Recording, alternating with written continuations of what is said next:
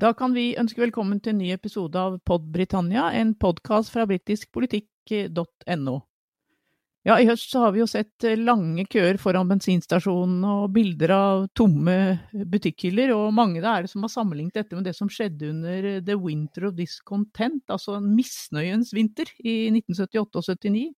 Ja, en rekke streiker eh, lammet deler av det britiske samfunnet, men er dette en sammenligning som egentlig står seg? Og hva, egentlig, hva, var egentlig bakgrunnen og konsekvensene av det som skjedde denne vinteren for eh, drøyt 40 år siden? Det skal vi snakke mer om i denne episoden. Jeg heter Trine Andersen, og med meg i dag har jeg mine to medredaktører Erik Mustad og Øyvind Brattberg. We shall never surrender. The pride in who we are is not a part of our past. It defines our present and our future. The people of Scotland have spoken. England, Scotland, Wales, Northern Ireland, together, taking us forward, unleashing the potential of the whole country. Ja, skal vi kanskje begynne å snakke først om eh, det vi har sett nå i høst? Om eh, denne sjåførmangelen, om de lange køene ved bensinstasjonene, om de til tider tomme butikkhyllene.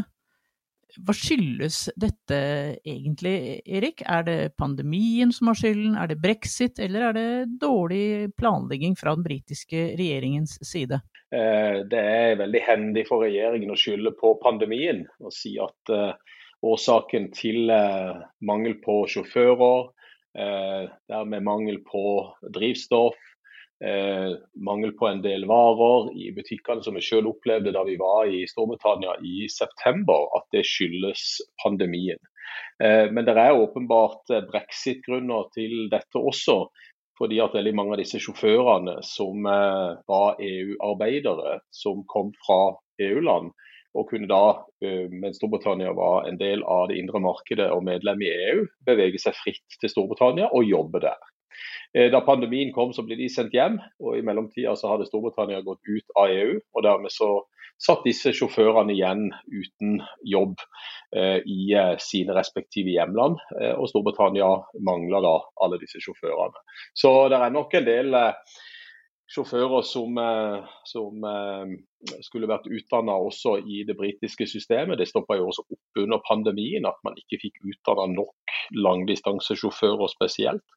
Eh, og Det har da eh, sammen med eh, brexit ført til at vi står i den situasjonen vi gjør i dag. For disse sjåførene er jo nødt til å bringe varer, drivstoff til de aktuelle utsalgsstedene. Så skal det sies at det er mangel på sjåfører også i Europa. Det er ikke bare Storbritannia som opplever en mangel på sjåfører. Og eh, Vi kan jo senere snakke litt om lønns- og arbeidsvilkårene for mange av disse sjåførene som eh, har levd eh, nokså på smertegrensen økonomisk. Men kanskje vi bare skal ta dette med, med sjåførene med, med, en gang, Erik. For, for, det er vel, som du sier, dårlige lønns- og arbeidsvilkår. Men det har vel noe med rekrutteringen her også. Det sies jo at uh, gjennomsnittsalderen på disse langtransportsjåførene i Storbritannia nå er 55 år. Mm. Ja, det er vanskelig å rekruttere unge mennesker til disse jobbene som har vært så dårlig betalt, og som har operert på så dårlige vilkår. Eh, og, Dette er en stor utfordring til den britiske industrien også, i forhold til å rekruttere nok sjåfører. Eh, og Dette her har jo også litt med brexit å gjøre, i den grad at en av grunnene eh, til at mange i disse områdene som er lavtlønna i tradisjonelle arbeiderklasseområder, kanskje nord i England, de stemte jo for brexit nettopp fordi at de mente at arbeidsinnvandringa skulle stoppes. Men så ønsker de da ikke å ta de jobbene sjøl fordi at de da under brexit-valgkampen stemte brexit til slutt i eh, folkeavstemningen. Eh, og, hadde sånn anelse om at de kom til Storbritannia, disse fremmedsjåførene eller fremmedarbeiderne fra EU, og tok jobbene sine. Eh, jobber som de da etter sigende ikke vil ha, og de får da heller ikke rekruttert unge sjåfører inn i disse yrkene. Og Det er jo en, et stort tankekors sånn som situasjonen er i dag, med den mangelen som vi ser. Det har jo vært snakk om mellom 80 og 100 000 sjåfører, og dette antallet varierer jo litt fra kilde til kilde. Men at, at det er et sted mellom 80 og 100 000 sjåfører som skulle vært rekruttert, eller som skulle vært leid inn, det, det, er det ikke tvil om. Ja, og, så, og så sies det jo også at det er mangel på ca. 15 000 ansatte, altså 15 000 i kjøttindustrien. ikke sant? Det er mangel på slaktere. Det blir kanskje ikke noe ja noe kalkun nok kalkuner til jul. De må kanskje importeres fra Polen og Frankrike. Så det er veldig mye som, som, står i spill her, egentlig. Tror du dette kan få noen konsekvenser for Boris Johnson og hans regjering, hvis, eh, hvis ikke britene får kalkunen sin til jul? Jeg vet ikke om akkurat det får konsekvenser for regjeringen at britene ikke får kalkunen sin til jul. Men, men at uh, dette uh, skulle vært forberedt langt bedre uh, under pandemien. At de da, da Storbritannia åpna igjen, hadde en klarere løsning på plass. Eh, det, det syns hevet over enhver tvil at de burde ha planlagt dette mye bedre enn det de har klart å gjøre. Så kan de skylde på pandemien så mye de vil, men brexit spiller også inn her. Og en nokså klønete håndtering eh, i, i, mange av disse tilfellene, også fra regjeringens side. Ja, Det har ikke manglet på advarsler fra industriens side, det fikk de vel så tidlig som i påsken. Så, så ja, de kan ikke si absolutt. at det ikke, ikke har vært advart her i det hele tatt. Nei, det har vært fare, fare, røde faretrekanter hele veien her egentlig i løpet av pandemien. At dette ville bli et problem den dagen Storbritannia åpna. Eh, dette har vi snakka om flere ganger også i norske medier. At eh, dette er en konsekvens av brexit også, og så forsterker selvfølgelig pandemien akkurat dette. Og så har jo finansminister Rishi Sunak sagt nå at dette her kommer til å, til å vare noen måneder, så det, det, blir jo eh, kanskje en misnøyens vinter, da, sånn som vi, sånn som vi så for over 40 år siden. Og, og Øyvind, kan ikke du, du, si litt, hva var det egentlig som skjedde da i 1978-79? Hva, hva, var bakgrunnen til at det, at det, ble så mange Altså det var jo streiker den gangen som gjorde at vi så søppel som hopa seg opp i gatene. det det var, det var masse som skjedde. Men hva var bakgrunnen? Det er jo en uh, veldig pussig historisk parallell å trekke opp, og det tror jeg vi, er noe av det, det første vi bør, vi bør få uh, stadfestet her. Fordi uh, misnøyens vinter den gang var, hadde ganske så andre grunner og en, en veldig annerledes, en annerledes politisk situasjon, annerledes skyldfordeling og veldig mye som, er, som peker i en, en, en annen konteksten og, og, omgivelsene er veldig annerledes. Men det som er felles, er jo at uh, misnøye handler om mangel på grunnleggende uh, tjenester for vanlige borgere. I dag så handler det om, om problemer med mangel på arbeidskraft, uh, voksende strømpriser, diverse problemer i transportkjeden og, og, sånt som gjør at det kan bli en, en, en stri vinter for folk flest. Dette med en stri vinter for folk flest var jo hva det handlet om, om den gangen også. Men da var det først og fremst eh, en, eh, en, en, tilspisset eh, situasjon i arbeidsmarkedet med, med, tilnærmet krigstilstand mellom fagbevegelsen og arbeidsgiversiden. Voldsom prisstigning, heftige streiker. Det var disse, først og fremst disse konfliktfylte forholdene som gjorde at deler av arbeidslivet var, var lammet. Eh, og som, gjorde, som, ga en slags sånn delvis nedstengning av, av, samfunnslivet. Og Noe av det som, som eh, mytologien rundt eh, misnøyens vinter særlig legger vekt på, var jo streik blant eh, søppel, søppelbilsjåfører og, og gravere på, i, på gravlundene osv. som gjorde at noen av de mest grunnleggende samfunnsoppgavene og noe av det som gir fælest utslag, kan man si. Noe av det også ble, ble stoppet eh, i en periode gjennom vinteren. Og så var det en gresslig kald vinter og vanskelig vinter med høy ledighet og, og vanskelige økonomiske kår. Så mis, misnøye kjenner man, kjenner man, igjen, men drivkreftene var ganske andre. Ja, Skal vi minne om hvem det var som var statsminister den gangen? Det var James Callahan eh, som var eh, statsminister for, Fra Labour. For, for Labour den, den gangen. Og og det peker oss eh, jo i retning av den politiske forståelsen av misnøyens vinter, fordi den gang så mente man jo at eh, den svære, liksom grunnleggende årsaken bak all elendigheten var vanstyre fra regjeringens side, altså manglende forståelse for hvordan man holder samfunnet i, i gang og sikrer en fornuftig balanse mellom ulike krefter og interesser i, i samfunnet. Så dette ble jo eh, Labour-regjeringens endelikt. De sto gjennom misnøyens vinter, men så kom valget på, på vårparten etter, et, eh, etter, at det ble mistillit mot, eh, mot, regjeringen. Den falt, og derpå fulgte 18 år med konservativ regjeringsmakt. Eh, og det første som skjedde, var da naturligvis Margaret Thatchers inntreden som statsminister og en voldsom reformbølge, en voldsom høyrebølge, og gjennom det tiåret som fulgte.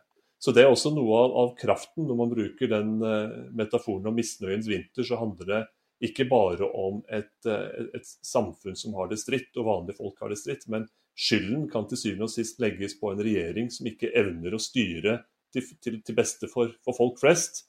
Uh, og den regjeringen kommer til å straffes, og den kommer til å straffes hardt.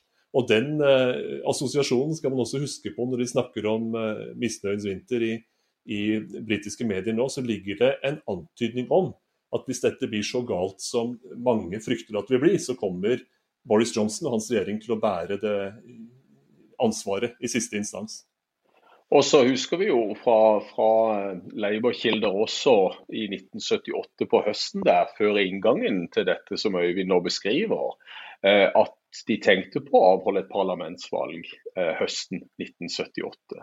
Og Hadde de gjort det, så hadde kanskje situasjonen sett annerledes ut. Kanskje ikke de hadde blitt så hardt straffa som de ble i Labour i valget i 79, med Thatchers inntog og 18 år med konservativt styre. Så eh, her er det litt sånn tilfeldigheter også i forhold til politiske hendelser som gjør at regjeringene som, eh, som styrer gjennom sånne vanskelige perioder, eh, blir sittende da med ansvaret.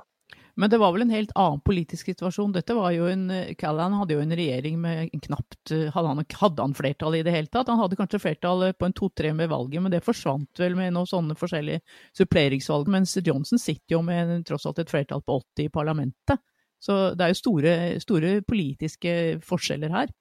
Det var en, en, en, en veldig svak regjering, også når det gjelder det parlamentariske grunnlaget. Så de, så de de vandret jo fra De ble drevet fra skanse til skanse, eh, kan du si. Det som Callahan da hadde håpet på, hvis han hadde skrevet ut et valg allerede høsten, høsten før vinteren, var at de ville komme ut av det med et, et eh, styrket flertall og en mulighet til å, å komme ut av de, de, vanskelige økonomiske tidene, den veldige turbulensen som Storbritannia hadde levd med gjennom, gjennom 70-tallet.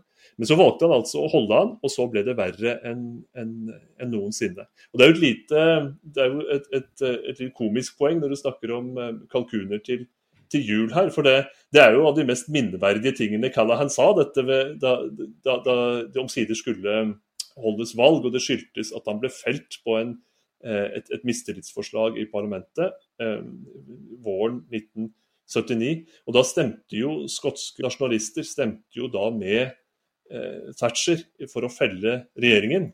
Og han sa jo den gang at dette minnet om, om uh, Turkeys voting for an early Christmas. Eh, at de visste de, de, de, innså ikke selv hvor galt det ville gå. Eh, hvis man som skotsk nasjonalist ønsker seg Thatcher eh, i, og, og, de konservative, så har man virkelig, eh, virkelig spilt seg selv over sidelinjen, eller lagt seg på slakterbenken, så å si.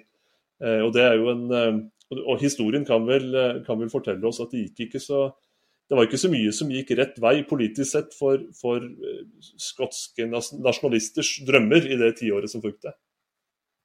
Nei, men, men hvordan, hvordan, ble dette løst? Altså, når våren kom, så kom sommeren. Kom men, men, hvordan ble streikene avblåst? Hva var det, som, var det som skjedde? Det ble jo den gang en eh, Så snart man fikk eh, regjeringsskifte etter valget der i, i, i mai 1979, så la jo eh, Margaret Thatcher og hennes konservative regjering med flertall i ryggen la ned en, ganske heftig agenda for endringer i lovverket som skulle svekke eh, fagbevegelsens makt i arbeidslivet. Parallelt med en lang rekke andre økonomiske reformer. Det ble en, en, en, en hestekur økonomisk og ganske heftige konfrontasjoner. Men disse lovendringene gjorde det mye vanskeligere å mobilisere til streik. Det gjorde det vanskeligere å drive den type kamp på barrikadene som, som det hadde vært mye av eh, gjennom misnøyens vinter og også årene før. Slik at den, De som gikk seirende ut av det politisk, var de konservative. Og i arbeidslivet så kan man vel si at det var arbeidsgiversiden som gjorde det mulig å, å på et vis trumfe gjennom en, en økonomisk modell hvor arbeidstakere har mindre gjennomslag, og hvor det er vanskeligere å blokkere kapitalens eh, frie, frie, herjing på et vis. Så Det er også en del av, av ettermælet. Og Erik, det er jo også en del av oppspillet, kan man vel si, når de snakker om mangel på, på sjåfører, mangel på arbeidskraft i, i eh, hotell- og restaurantnæring, byggebransjen osv. Så, videre, så har det vel også noe å gjøre med en økonomisk modell som skjøt fart med Thatcher og de konservative på 80-tallet, og som, har, som det har vært gjort lite med siden. Absolutt, og det har mer eller mindre stått stille, akkurat disse arbeidslivsreformene. Eh, og eh, Mye av dette er jo den konservative arven fra Thatcher som, som vi ser i dag. Eh, og som regjeringen ikke da har gjort noe med denne gangen heller. Eh, på tross av at vi har hatt en pandemi som har gjort et stort innhogg i den britiske økonomien. Og vi har hatt brexit som gjør at Storbritannia i forhold til eksport og import står utenfor det indre markedet. Og Vi ser jo den økonomiske konsekvensen av det i handelen med EU også, at den dropper jo enormt. Den handelen som Storbritannia har med EU. Eh, og Dette var jo det største markedet for Storbritannia i forhold til eksport. Så eh, absolutt mye av de reformene som ble innført av Thatcher da hun overtok etter Callahan i 79, i det første parlamentet til Thatcher fram til 1983, så kom mye av de reformene som kanskje industrien den dag i dag lider under. Tror du denne krisen her kommer til å, å la seg løse i løpet av, av vinteren, hvis vi skal kalle det en krise? Ja, Det er vel foreløpig en krise. og Det sier ikke Sunak også, at vi må forberede oss på uh, et scenario hvor dette kan vedvare til februar-mars. Med mangel på sjåfører, en del varer som vil mangle i hyllene. Eh, og Vi vet jo at gassprisen er høy, elektrisitetsprisen er høy. Det vil bli en tøff vinter for veldig mange briter. Eh, så får vi se om de klarer å få noen sjåfører på plass. Det ble jo sagt tidligere i høst at de ville utstede foreløpig visa til EU-sjåfører som skulle vare frem til uh, 1.3. Eh, fordi at det da eventuelt kunne bøte litt på den sjåførmangelen de har, samt sette inn sjåfører fra det militære. Men vi snakker jo så mange titusener eh, sjåfører som trengs. Så det er jo helt umulig å se for seg at dette her skal løse seg på, på, på såpass kort sikt.